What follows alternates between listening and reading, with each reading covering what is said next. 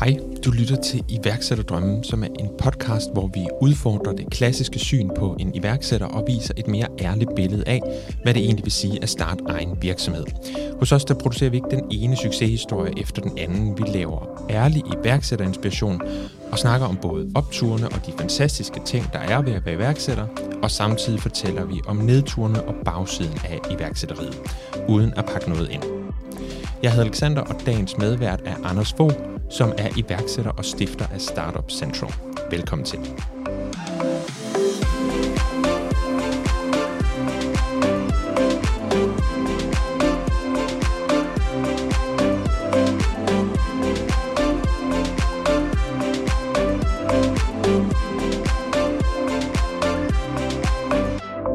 Hej Anders. Hej. Og velkommen til her i studiet hos Iværksætterdrømmen. Mange tak.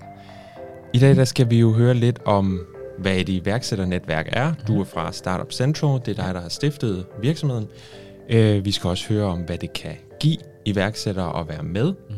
i et iværksætternetværk, og så skal vi også på et tidspunkt senere svare på nogle af de mest stillede spørgsmål inden for iværksætteri. Nå, det så det bliver spændende. rigtig spændende. Spændende Men... at svare på dem. Må ikke. Men øhm, jeg tænker, at øh, Anders, du kan lige kan starte med at forklare, hvad Startup Central egentlig er for en virksomhed. Ja, en um, Startup Central er en uh, platform for selvstændige iværksættere, hvor vi har bestræbet os på at gøre det nemmest muligt at være iværksætter, men også mest muligt tilgængeligt at være en del af et netværk og få de fordele, stordriftsfordele, som de større virksomheder har.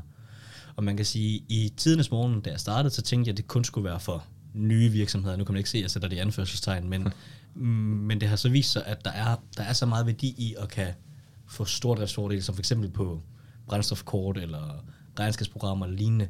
Den del er der også mange større virksomheder, der gerne vil gøre glæde af. Og så øh, det her med at skulle have, nu siger jeg en advokat eller en revisor, og stille dem et simpelt spørgsmål for dem, men at få et svar, som kan være helt vildt givende for en iværksætter. Der har vi sat 75 erhvervscoaches på, og det er både fra jura til økonomi til IT, og dem kan du simpelthen bruge øh, uafbrudt og Mm. kvitterfrit på, hvad hedder det, på platformen, når man er en del af netværket. Og så har vi prøvet på at, at samle et netværk af ligesindede iværksættere, som egentlig bare er interesseret i at vækste sig selv. Øhm, så, så det vil hvad Startup Central er på en digital platform. Mm. Så vi- Så, altså, det er et iværksætternetværk, hvor du kan gå ind som iværksætter, selvstændig osv., og gå ind og få øh, hjælp til Hvad en masse. Ja, Vi dækker 53 forskellige brancher i dag, så jeg vil sige, at vi, de, de fleste ting kan vi hjælpe med, om du er håndværker eller om du er IT-iværksætter. Ja. Så, øhm, så nu siger jeg alt, men det skal jo selvfølgelig også tages med grænser, hvis du skal til at lave et eller andet ud af uran eller et eller andet, så er jeg ikke sikker på, at jeg kan hjælpe med det. Men, Nej. men, men ellers så tænker jeg, at jeg godt kan. Øh, fordi vi simpelthen har sat det team op med den rigtige passion og den her målsætning om at fremme dansk iværksætteri, mm. og dermed også fremme dansk øh, iværksættermiljø. mm. Kan du ikke lige prøve hurtigt at nævne bare lidt, ud over coaches og så videre, og advokater og sådan ting, hvad kan man ellers sådan... Jamen altså, re- reelt set øh, kunne det jo være, at du sidder derhjemme nu og tænker, at du gerne vil lave en øh, webshop. Du har fundet en eller anden fed ting på et eller andet sted, og den vil du gerne ud og sælge. Så har vi muligheden for igennem Startup Central at sørge for, at du kan få en webshop for 100 kroner de første 6 måneder, og simpelthen sørge for, at du kommer i gang. Udover det, så er det at samle det sammen med et øh, regnskabsprogram. Det kan være for din hero. Det kan du komme i gang med for en halv pris. Og så er det simpelthen at sætte de to ting sammen. Det kan være, at der er noget levering eller et eller andet, vi skal have med os. Det skal man jo umiddelbart få sat det sammen, og så er du egentlig plug and play køreklar. Og da det ikke rigtig koster noget, at det jo, jeg mener, det kun er registrering og være et enkeltmandsvirksomhed, jamen så er du sådan set i gang for under 5.000 kroner, alt afhængig af, hvad vejenkøbet er. Det er bare det ene eksempel. Det kan også være, at du gerne vil, du er tømmersvend, og du har fundet ud af, at øh, du gider ikke arbejde for mester mere. Så har vi både øh, muligheden for biler igennem kassebil, vi har øh, brændstofkort, og vi har mulighed for at hjælpe med de værktøjer, der skal til for at komme i gang. Så vi har simpelthen samlet alt, du har brug for et sted. Vi har egentlig et sted fjernet Google for dig i forhold til at skal komme i gang, men samtidig også prøvet på at gøre det billigst muligt for dig at komme igennem. Så vi har været ude og forhandle for dig, Okay. okay. og simpelthen kigget på, hvad alle de andre medlemmer har brug for. Og så er det, synes jeg, det vigtigste, det er jo, at netværksdelen i at få kunder, hedder det jo egentlig, det er jo den vigtigste del i det. Fordi jeg skal sætte et øh, nyt tag på, jamen så kan det være, at jeg kender en i mit netværk, der kan komme og gøre det. Jeg skal have lavet noget til mit SoMe, så kender jeg en i mit netværk. Det er så i dit eget netværk. Men netværk er jo ligesom ringe i vandet, så vi rører hinanden på en eller anden måde. Du skal have lavet det her. Ej, hvor spændende. jeg kender lige ham eller hende her, som kan gøre det her for dig. Mm. Så, så det, er jo, det er jo den synergi, vi har været med til at skabe. Og så den, den synes jeg, fede ting er, at der er jo altid noget, du ikke har svar på. Så derfor har vi sat digitalt set selvfølgelig øhm, 75 coaches på, som du kan stille spørgsmål gennem platformen, som kan svare dig på, hvad end det måtte være. Hvordan øh, registrerer jeg bedst muligt mine øh, kilometerpenge? Hvordan øh, trækker jeg en håndværker fra, eller hvad det nu måtte være? Så er det simpelthen samlet for dig til at komme i gang. Okay, fedt. Mm, bestemt. Så altså, det som jeg hører, det er, at du kan jo både øh, bruge det, når du skal i gang Mm. For første gang, yes. Men du kan bestemt også godt bruge det, når du har været i gang længe, og ja. Ja. oplever udfordringer osv., som du måske har brug for hjælp til at få løst. Ja, men helt, helt bestemt. Det er jo det, vi ser lige nu, at der er større virksomheder. Og nu tænker jeg scale-ups, det er jo ikke Mærsk, men, men scale-ups, som kommer med, fordi den der klassiske konsulenttime, den er relativt dyr. Selvfølgelig kan det stadigvæk være, at man er nødt til at købe en eller anden, der skal gøre noget.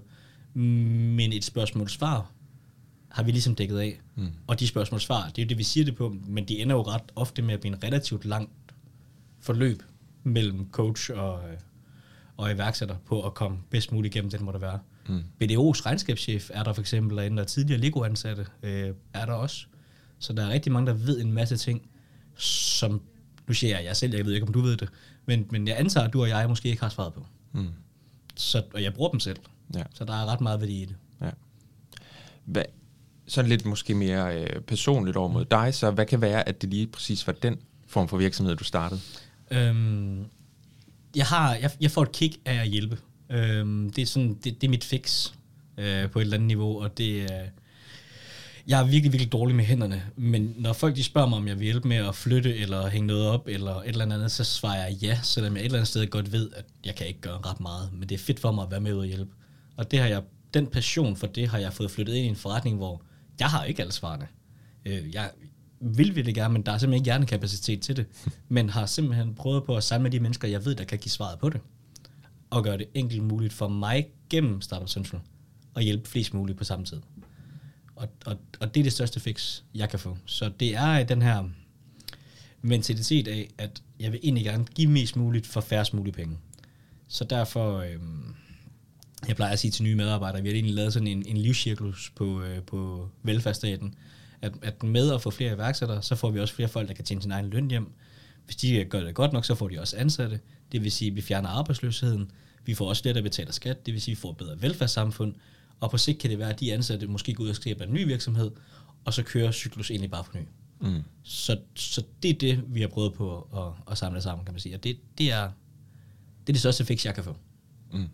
Er, det, øh, er det din første virksomhed, du Det startede? er min første re- registrerede virksomhed, jeg starter. Okay, så du har leget lidt med nogle projekter før? Eller? He- Hele tiden. Altså, Ja. ja. jeg var jo dulig i skolen, så øh, mens de andre sad og lavede deres lektier, så prøvede jeg på alt muligt andet. Ja, kender jeg godt.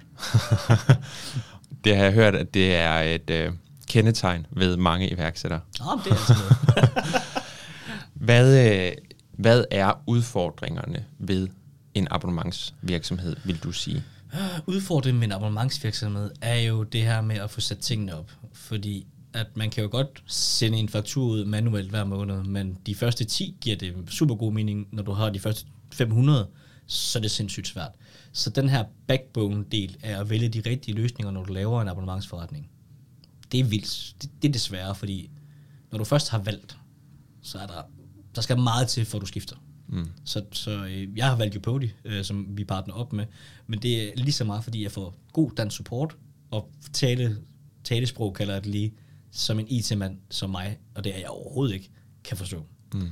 Og det, det er ret komplekst at have en abonnementsvirksomhed på det punkt. Men, men, men når vi så har sat det op, så er det virkelig også en gode, men det er backbonet. Altså man sørger for, at det kører automatisk, man sørger for, at der er direkte opkobling til det regnskabsprogram, så du skal ikke ind og afstemme, systemet skal afstemme af sig selv. Øh, man skal kunne genfakturere, hvis man ikke har ændret kort, for eksempel. De her ting, det er svært. Jeg tror, at fordelen for os er, at vi arbejder med B2B. Så, så der er sådan en, en relativt god forståelse af, at man skal sørge for at have sin kort opdateret, for ellers så påvirker man sin forretning. Jeg tror, det er markant sværere for uh, Mofibo, som arbejder med private mennesker, Mm. at drive det. Men det handler bare lige om at komme i gang, og det tager jo noget tid at lave omsætning. Det skal man også være klar på. Det er ikke bare uh, fra dag til anden, at du sætter det op, og så kommer der lige pludselig, siger jeg, 100.000 ind om måneden. det gør der jo ikke. Det er jo noget, der tager tid at bygge op.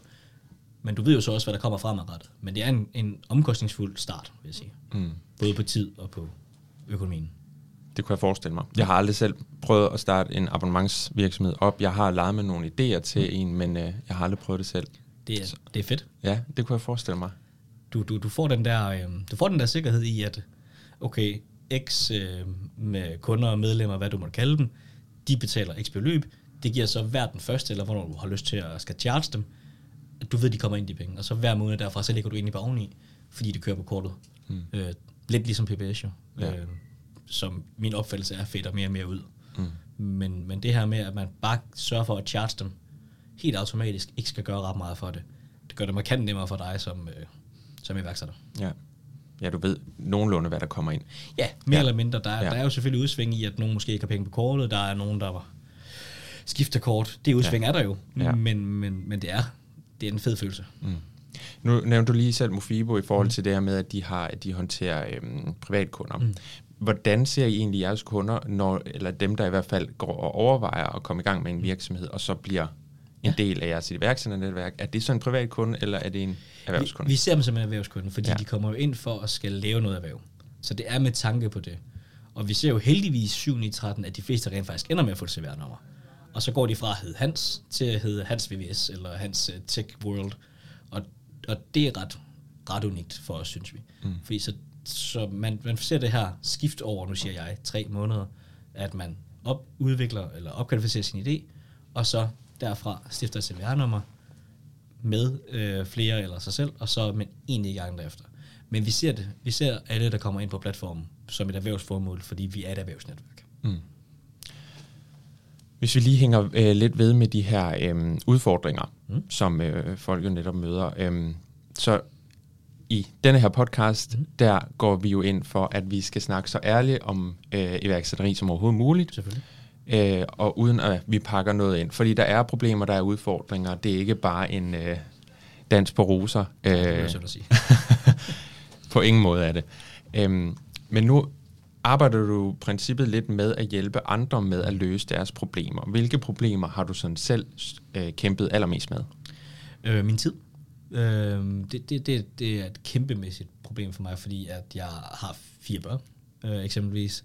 Så det der med at kvalificere min egen tid og få den til at, at stemme op, og så ligge mit arbejde, synes jeg har været en kæmpe udfordring. Og så øhm, har jeg jo også, som, som sagt før med abonnementsforretning, arbejdet hårdt på at få sat tingene op et produkt, der fungerer, et system, der fungerer, og så derfra egentlig bare se det, som man kalder bøn, penge i kassen bare forsvinder stille og roligt nedad, samtidig med, at man prøver at bygge en lille smule opad. Og, og, og den rejse til Product E-Point er jo forfærdelig. Fordi man, alle kan jo bedst lige have penge på kontoen, men lige pludselig så ryger det altså bare ud, og så skal man til at bygge op. Og det er jo en, en sindssyg rejse, fordi en tak med, du, øh, nu var mig og Mathias, øh, som var min første ansat, vi startede med at, at, at arbejde og arbejde på det her punkt, mm, men vi to kan jo ikke løfte opgaven alene, så man får hele tiden flere og flere på, så udgifterne, hver gang man tænker, nu er vi break even, så kommer der en ny udgift. Der er en mental udfordring i det, i at man skal have noget seriøs is i maven øh, på at tænke, okay, min løn kommer lige lidt sent nu her, og så videre. Altså det, der er noget, der Mm, jeg ved ikke, hvad der hedder det, men der er sådan et amerikansk udtryk for, um, always pay yourself first. Det har jeg ikke arbejdet med. Mm-hmm. Jeg har altid arbejdet med, at jeg, dem, der arbejder for mig for først, og så må jeg løse mit eget problem bagefter. Øhm, så, så der har der været måneder, især i opstarten, hvor jeg har tænkt, okay, får jeg løn, får jeg ikke løn? Og, og det er jo en risiko, man, øh, man må løbe med. Øhm, så, så den der abonnementshørdel med den store burn rate, den var hård, øh, som min personlige største udfordring, vil jeg sige mm. samtidig med, at man arbejder alt for mange timer. Det gør man. og det er jo netop med at finde en øh, fin balance mm. i det. Men det tænker jeg, at vi kommer, vi kommer lidt tilbage til okay. øh, senere hen. Nu har jeg også set, at du har været ude og nævne lidt om det her med, at man skal passe på sig selv mm. som iværksætter. Man skal huske at passe på sig selv, huske pauserne osv. Ja. Det er også noget, vi har været øh, meget inde over i de forskellige afsnit her i den her podcast. Men kan du ikke lige prøve at uddybe lidt, hvorfor du egentlig også har behov for at, at fortælle det? Øhm, der er to ting i det. Lige så meget for mig selv, for jeg mener, i den artikel, der siger jeg også selv, at jeg arbejder relativt mange timer, så, så det er øh, måske lige så meget for mig selv at sige det også, men det er, øh, jeg holder relativt mange foredrag. Og de foredrag starter jeg ofte ud med at sige, du må ikke være som mig. Fordi øhm, den der klassiske sang med, at man skal arbejde solen sort og det hele, jeg tror faktisk, den er rigtig. Hvis du vil lave en milliard, øh, så er den rigtig. Men du skal også bare lige huske at indstille dig selv på, at det gør du nødvendigvis ikke. Og så er det også vigtigt for mig at sige, at hvis du rejser penge, øh, jeg tror faktisk, øh, at Jesper Buch sagde det i går også, hvis du rejser penge, så kommer der altså mere pres på. Der kommer mere på, så hvis du synes, det er hårdt nu, så bliver det endnu hårdere. Og, og derfor er det ret vigtigt at for ligesom få fortalt, at det ikke er nødvendigt at rejse penge. Det er ikke nødvendigt at gå i løvens hule. Det er helt okay at være tre mand i en virksomhed, og få det, der, det til at løbe rundt, og alle er glade, og servicere nogle fantastiske kunder. Men du skal også huske at betale dig fra, at der er nogen, der kan hjælpe dig med at løse opgaven bedst muligt og hurtigst muligt. Fordi at, øh, som sagt, jeg har fire børn. De vil også gerne se dig. Jeg antager også, at min bedre halvdel også gerne vil se mig. Jeg ved, at min mor og far gerne vil se mig. De ser mig ikke nok. Øhm, jeg tror måske, jeg har indstillet mig på at ofre en hel masse af mit privatliv på det. Men hvis jeg kan stoppe nogle andre for at ofre det, samtidig med, at de også får lov at udleve deres iværksætterdrøm, så tror jeg, jeg har været med til at gøre en, en seriøs forskel. Mm. Fordi det er, det er både fysisk hårdt, det er mentalt hårdt, og, og det er bare vigtigt, at vi ved det. Men jeg synes heller ikke, det er helt okay, at vi nødvendigvis piver over det. Hvis det jeg, ah, piver det er måske så meget at sige, men der var en, der var ude og fortælle, at han synes, det var ekstremt hårdt at rejse kapital, og alt det her med, at det pres, der blev lagt på. Og det er også måske lige så meget det, jeg følger lidt op på og siger, det er det, er det du siger ja til. Så vi skal heller ikke gå ud og sige, at det er hårdt for os, når vi selv har valgt valget. Men du behøver jo ikke at rejse de her penge. Du behøver ikke at lægge det her pres på dig. Vi skal sørge for at være tilfreds nogle gange med det, vi har opnået. Og jeg er intet eksempel på det punkt, for jeg er aldrig tilfreds. men, men, men det er ret vigtigt at, at have det med. Mm. Helt, helt sikkert. Mm. Og man kan også sige netop, når du går ud og rejser penge, så er det, det er jo altså ens en andens hårdt tjente Præcis. penge, så selvfølgelig kommer der et ekstra pres. Ja. Om de lægger det på dig eller ej, så du vil opleve formentlig øh, et pres, du lægger på dig selv, ikke? Selvfølgelig. Og, og dine præstationer. Og de, de køber jo ind på enten en vækst, eller ja. dig, eller et koncept, eller et eller andet, og da de ikke er, er aktive i driften, jamen, så er det jo klart, at de vil gerne vil have så grundig en afrapportering som overhovedet muligt. Øhm, men det skal du jo så også være indforstået med. Det tager altså tid for din dagligdag. Mm. Og så er der også noget ret vigtigt i, at du skal kunne lægge opgaver fra dig. Øhm, det tror jeg også er et, et kæmpe problem. Det har været et kæmpe problem for mig også. Øhm, jeg tror, i starten sagde jeg altid, at jeg har ikke noget problem med det tingene fra mig. Det havde jeg nok. Øhm, men, men i dag der er det sådan mere, jeg giver det gerne væk, men hvis jeg er nødt til at tage, tilbage, tage det tilbage, så kommer jeg til at micromanage Og det tager lang tid at komme ud af den, den boble ved mig, fordi så er du allerede sort på. Du kan sagtens bevæge dig ud fra den igen. Men jeg er med nu, og jeg er på ingen måde den bedste til den opgave, for jeg, så er jeg ikke ansat dig. Men, men du, du er nødt til at vide, at jeg er ikke tilfreds, og derfor er jeg med hele tiden nu. Mm. Og det er en udfordring, tænker jeg. Ja. Ja, jeg synes også, det er, det er ret godt, at der efterhånden er begyndt at komme lidt fokus på mm. iværksætteriet, og hvad, der, hvad man kan opleve bagom, fordi at der har jo virkelig i lang tid været fokus på de her øh, gode historier, mm. og der er Løvens Hule jo faktisk også øh, lidt med til at skabe de her øh, gode øh, succeshistorier, øh, hvor man ikke rigtig ser, hvad det egentlig er, der ligger bagved. Mm. Nej, ja, bestemt ikke, men, men jeg tror, det er, det er mange iværksættere, i hvert fald dem jeg kender, gør det meget for anerkendelse, de gør det meget for enten penge, eller sådan nogle ting, som er et, et mål, som egentlig tilsidesætter sig selv. Mm. Og der synes jeg, at rigtig, rigtig mange kvinder er, er exceptionelt gode til at sige, at det handler om at nå det her niveau. Og så kører det godt for mig, så har jeg det godt, jeg har tid til X, Y, Z, og så er jeg glad. Hvor, øhm, hvor knejder, og, og der er jo selvfølgelig også kvinder, der gør det samme, er knap så gode til det. Det handler det her om at kunne mærke efter på sig selv. Og det er ret vigtigt, tror jeg, at, at afstemme med sig selv, hvad er mit mål? Mm. Øh, hvad, hvad er det, jeg vil? Er det at lave det her million, milliard exit? Eller er det at blive verdensomspændende? Eller er det at bare have lov at styre min egen tid? Mm. Øh, og det, det er jo fysisk, psykisk og øh, udmattende at være iværksætter. Det er der ingen tvivl om, hvis du gør det til det. Mm.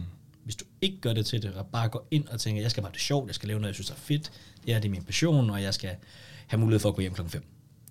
Jamen, så skal du gøre det. Og dem er der jo ikke helt vanvittigt mange af, som egentlig har fundet det. Det der leger det er dejligt. Jeg har to mænd øh, ansat, eller vi er syv, og vi lever ikke mere end det, vi er klare. Alle får deres løn vi hygger, og vi har det fedt.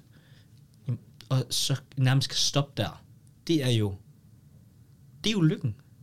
Øhm, jeg tror ikke en milliard er, er lykken, for den sags skyld. Øhm, der er sådan et, øh, jeg ved ikke om du har set den øh, film af McDonald's, The Founder, mm. hvor øh, konen spørger, when is enough enough? Og han svarer, probably never. øhm, jeg tror, jeg har lidt på samme måde. Og det håber jeg jo, at når jeg går ud og siger, du skal arbejde mindre, du skal passe på dig selv, at der så er nogen, der kan sige, okay, jeg har det egentlig godt. Mine børn er raske, eller min, jeg har tid til mine venner, hvad det nu måtte være. At, at det ligesom er nok for dem til at være glad. Øh, fordi det er ikke, jeg tror, et eller andet sted, jeg er opvokset med, at nok er aldrig nok. Men det skal andre folk helst gerne lære, inden de går i gang, at nok kan godt være nok. Mm. Fordi ellers så tror jeg, at vi kommer ud i den der glidebane der, hvor det er rigtig mange, der får mig til at få det for hårdt og bliver bange for iværksætteri. Fordi det er jo frihedens gave, hvis du selv tager den. Mm.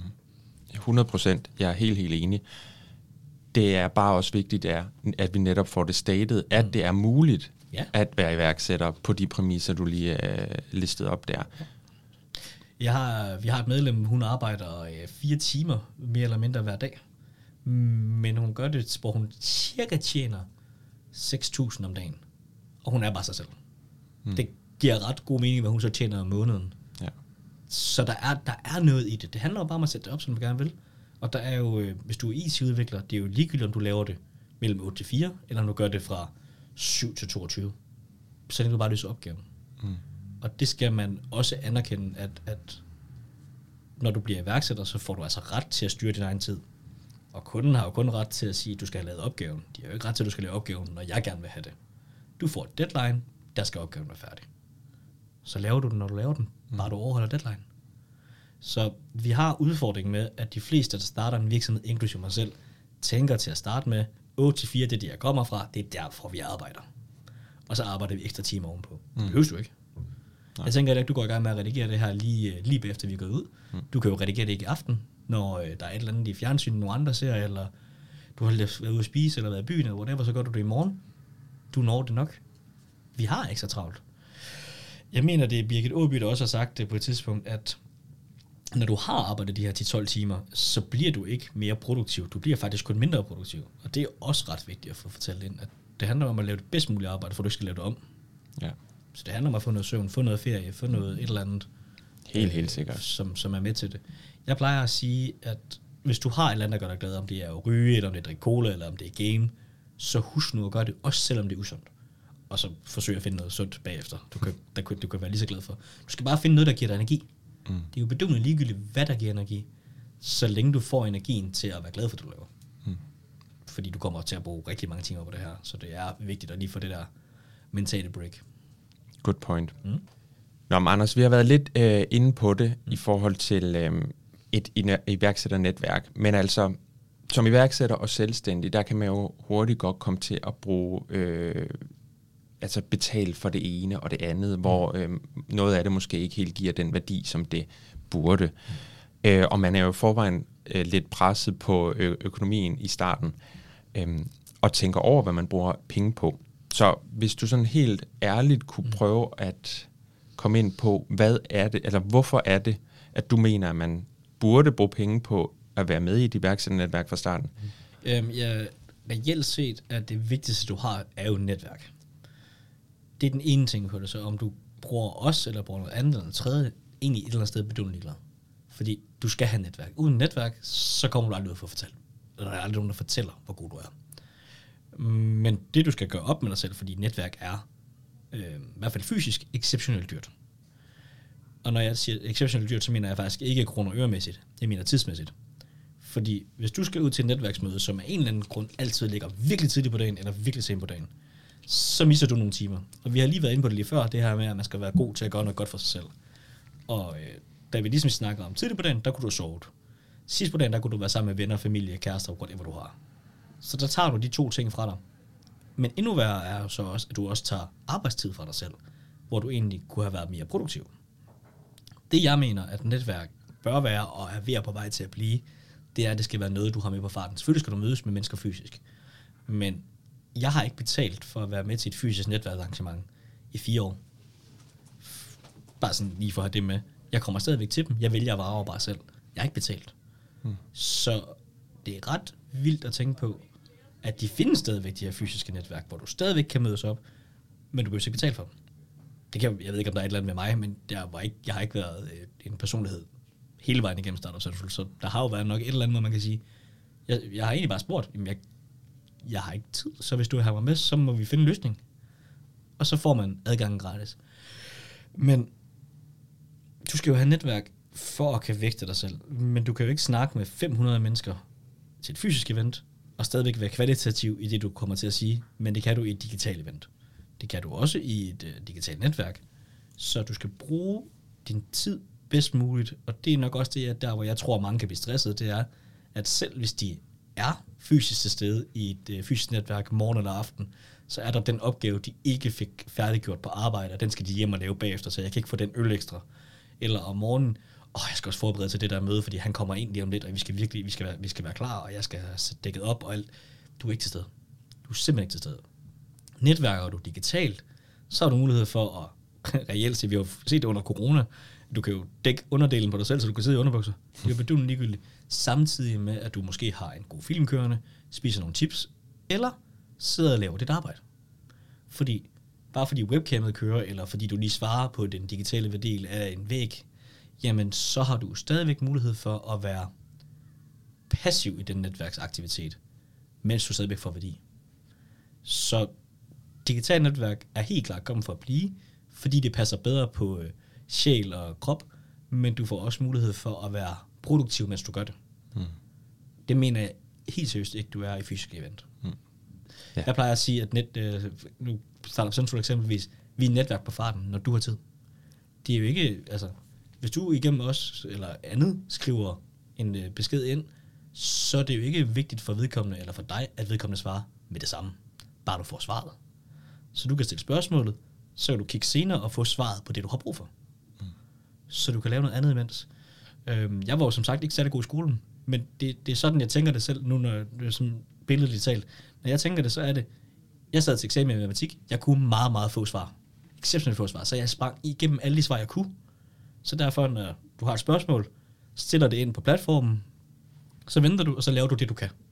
Og så gik jeg tilbage til det, og så tænkte jeg, okay, kan, jeg vide, om jeg kan finde svaret? Så har du svaret der til dig. Det, det er sådan lidt, du skal prøve at se fremtidens netværk på. Det er, du kan stadigvæk gøre det samme. Du er bare ikke afhængig af at være fysisk til stede. Du skal se godt ud, du skal have parfume på, du skal have sørge for at være til stede i, hvad andre folk siger, og du er nødt til at lægge alt fra dig. Det er jo menneskets største udfordring. Øh, jeg fik engang at vide af chef, når du møder ind på kontoret, så lægger du alt privat væk. Jeg var midt i en skilsmisse på det tidspunkt. Alt privat væk, når du går ind ad døren. Det er der jo ikke nogen mennesker, der kan. Du kan jo bilde dig selv ind, du kan det, men det er der ikke nogen mennesker, der kan. Mm. Så det vil sige, hvis du har et eller andet med arbejde eller noget andet, der fylder for dig, du er ikke fysisk til stede. Mm. Det er du simpelthen ikke. Altså det bedste netværkstidspunkt vil jo være kl. 12, midt på dagen, lige midt i frokosten. Ja. Det er bare sjældent, der det ligger. Ja. Hvis du sådan skal nævne, øhm, hvad nu kan du måske kun tale for sådan jeres medlemmers mm. vegne, men hvad struggler de sådan mest med?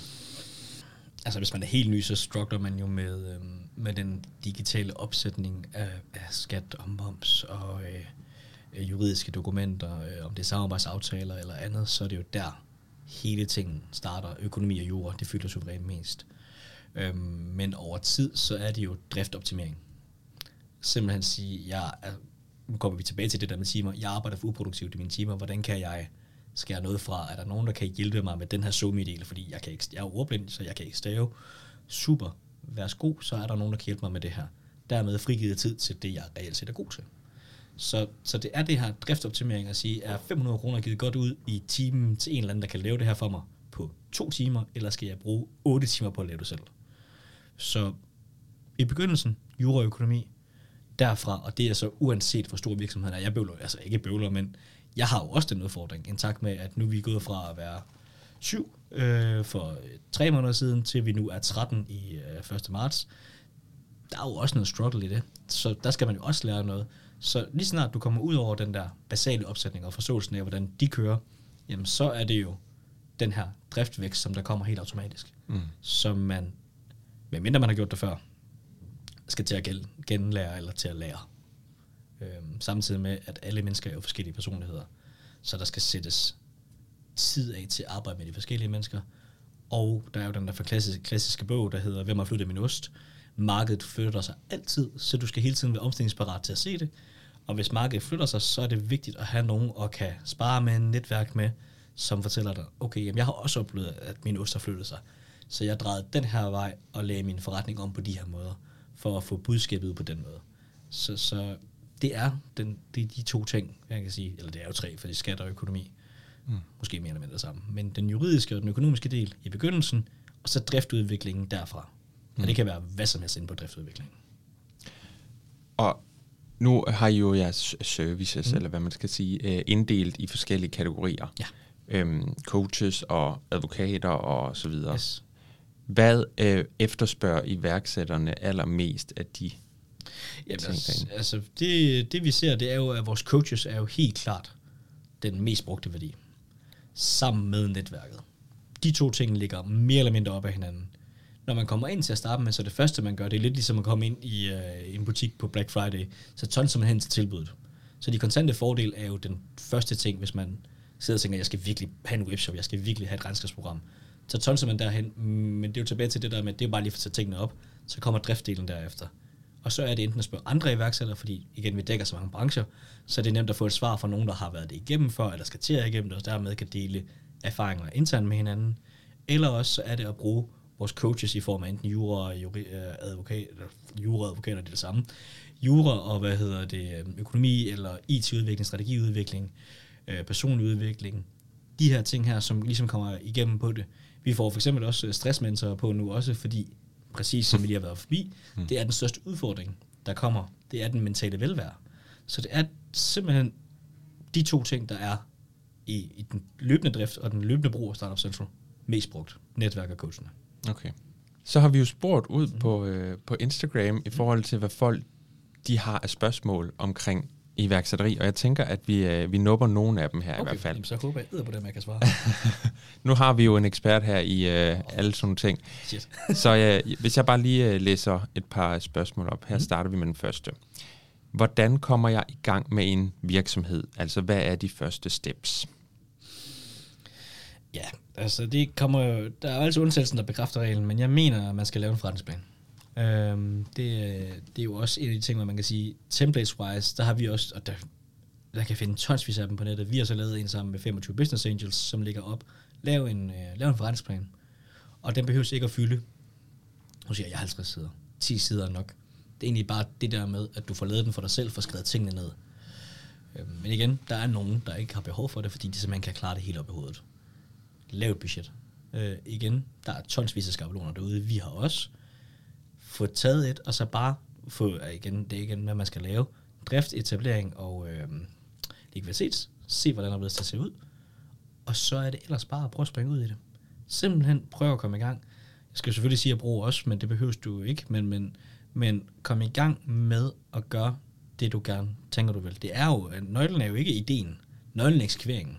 Så det handler om at, at trykke på speederen, komme bedst muligt ud, snakke med en leverandør, hvis du skal købe noget hjem. Og så hvis I er flere, jamen, så er det jo et APS. Øh, Jeg vil aldrig anbefale IS. Og så hvis du er alene, jamen, så er det jo enkeltmandsvirksomhed. Mm. Øh, Lynhurtigt i gang med den, og så ellers bare trykke så meget på speederen som overhovedet muligt. Ja. vil være min anbefaling, og det vil jeg jo sige. Alt afhængig af, hvor gennemtænkt du har ideen op i hovedet, eller har arbejdet med det før, der er jo rigtig mange, der, der bryder ud af noget, og så laver det samme selv, fordi de mener, at de kan lave det bedre, og det er der jo heller ikke noget galt i, det er stadigvæk iværksætteri. Det behøver ikke at være ny innovation, det handler bare om at være, kun innovation kan jo lige så godt være nok. Det giver også nok. Så det er jo egentlig bare at, at teste sig selv af i en eller anden form for struktur, med en forretningsplan og budget, og så ellers bare komme i gang, og så er det vigtigt ikke at betale for meget, fordi dine penge, de får æder på dem hurtigt ben at gå på. Mm. Der går noget tid, før der kommer penge ind.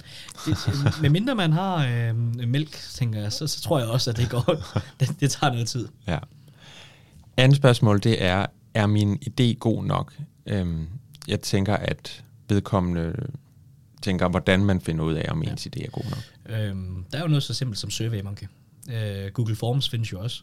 Gratis tools, lav en spørgeundersøgelse.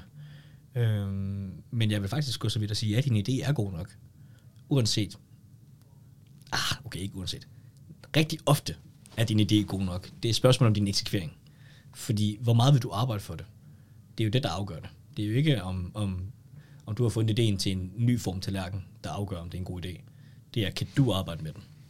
Så, så jeg vil sige, ja, din idé er næsten med garanti god nok. Men hvor meget har du lyst til at arbejde for den? Mm. True. hvor struktureret har du lyst til at arbejde for den? Ja.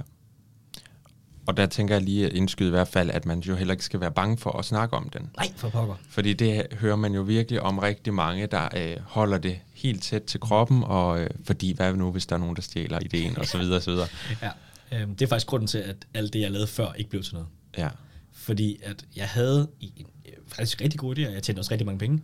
Men øh, jeg glemte bare lige at snakke med nogen omkring moms og skat og registrering af et selskab. Og jeg var under 18, så jeg sikkert ikke fået lov at få det på grund af øh, familieretshuset. Men, men jeg fik ikke snakket med nogen om det, og så gik det jo galt. Mm. Øhm, der er aldrig... Ah, der, vel, det er sikkert nogle generaliseringer, jeg lige kommer med. Det er sjældent, at nogen stjæler din idé. Mm. Øh, fordi jeg tør næsten ikke på bloggen og sige, der er nok nogen, der har tænkt din idé i en eller anden afskygning før. Men din idé handler jo som sagt ikke om at være god, det handler om din eksekvering.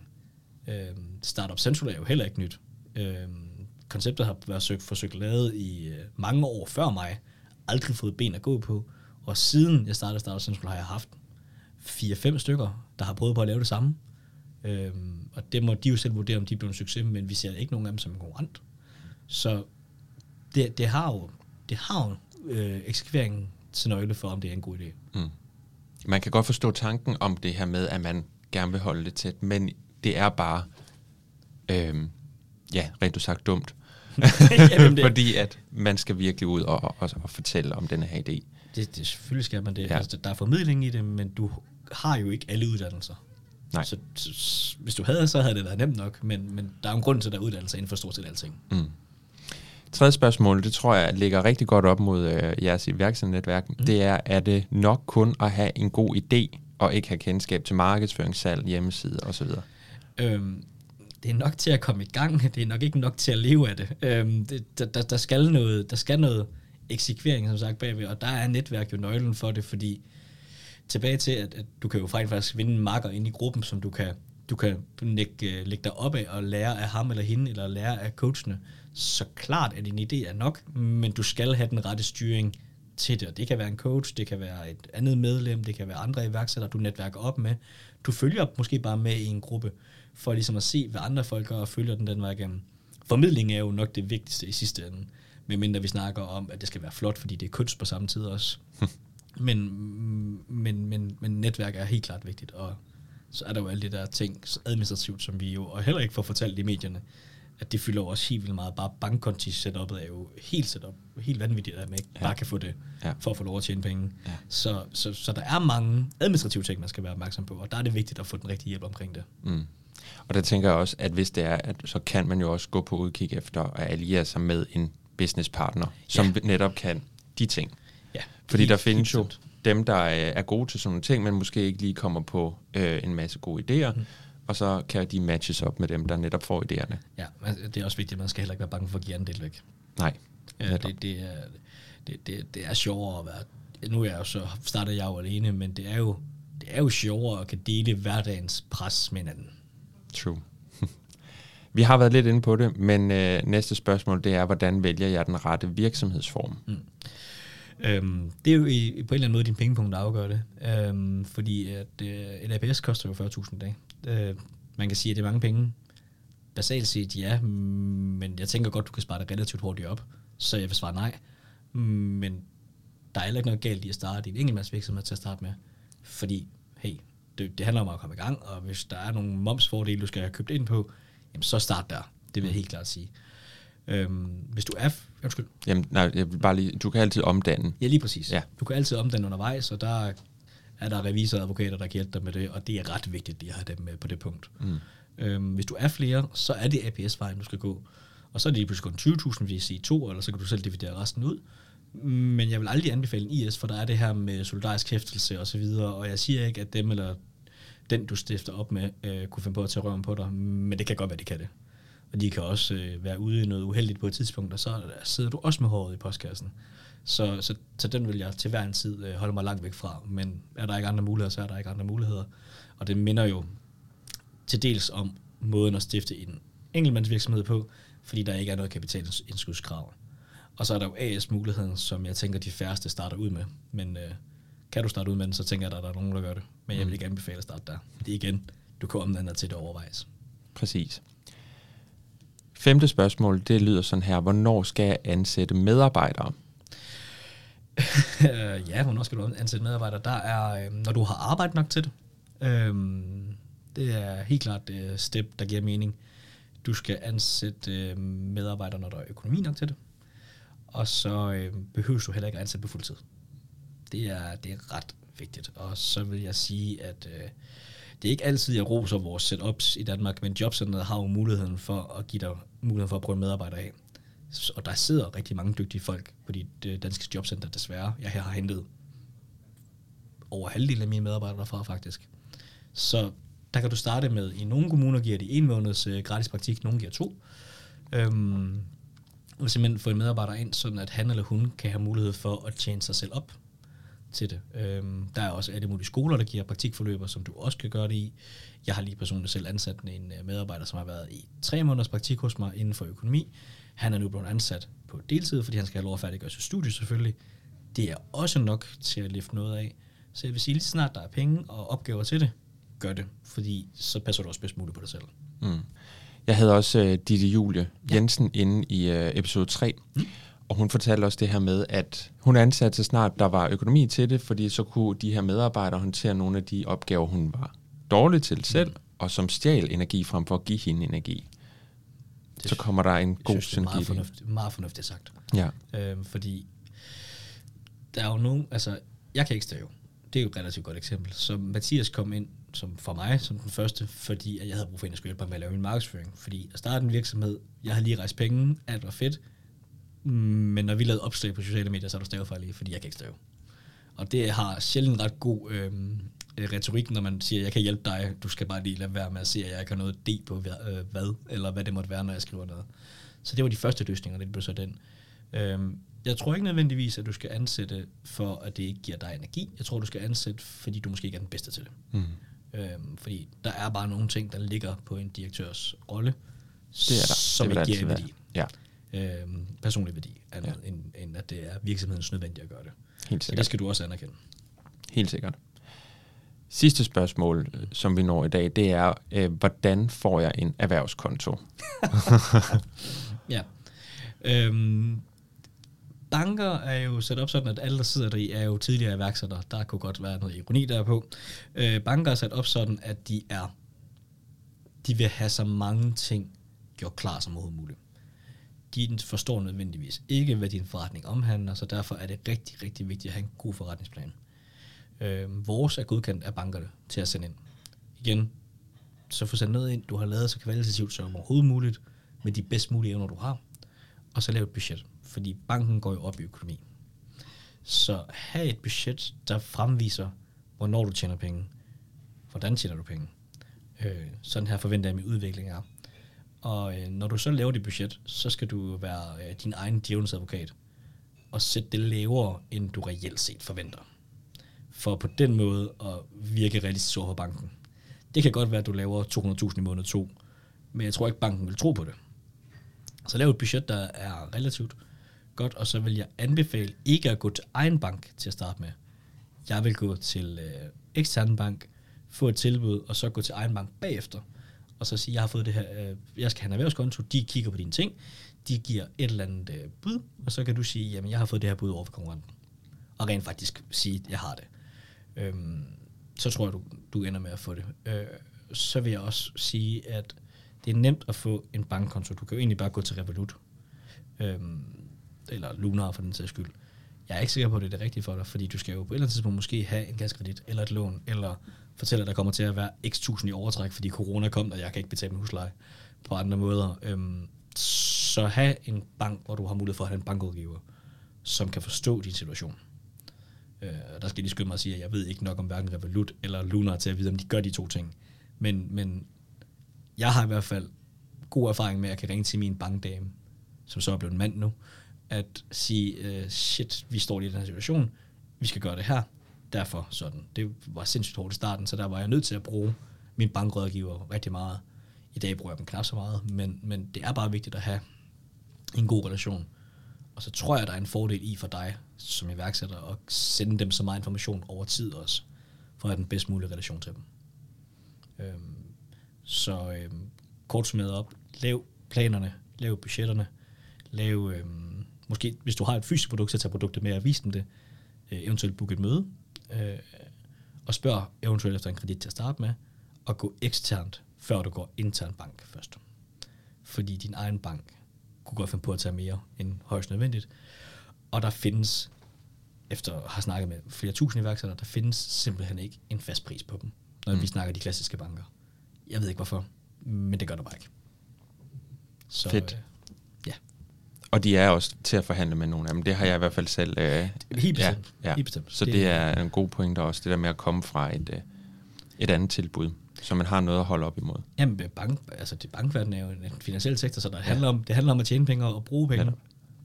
Personligt betaler jeg jo ikke for min erhvervskonto. Jeg sagde til min private bank, øh, jeg har rejst en million. Vi skal altså, jeg skal bruge en konto. I har til i morgen, eller så går jeg til en anden bank. Ja. Øh, okay, jamen så, så, så laver vi. Jeg havde en konto, jeg havde en konto på 24 timer. Mm. Jeg havde ikke kortet, jeg havde en konto på 24 timer. Ja.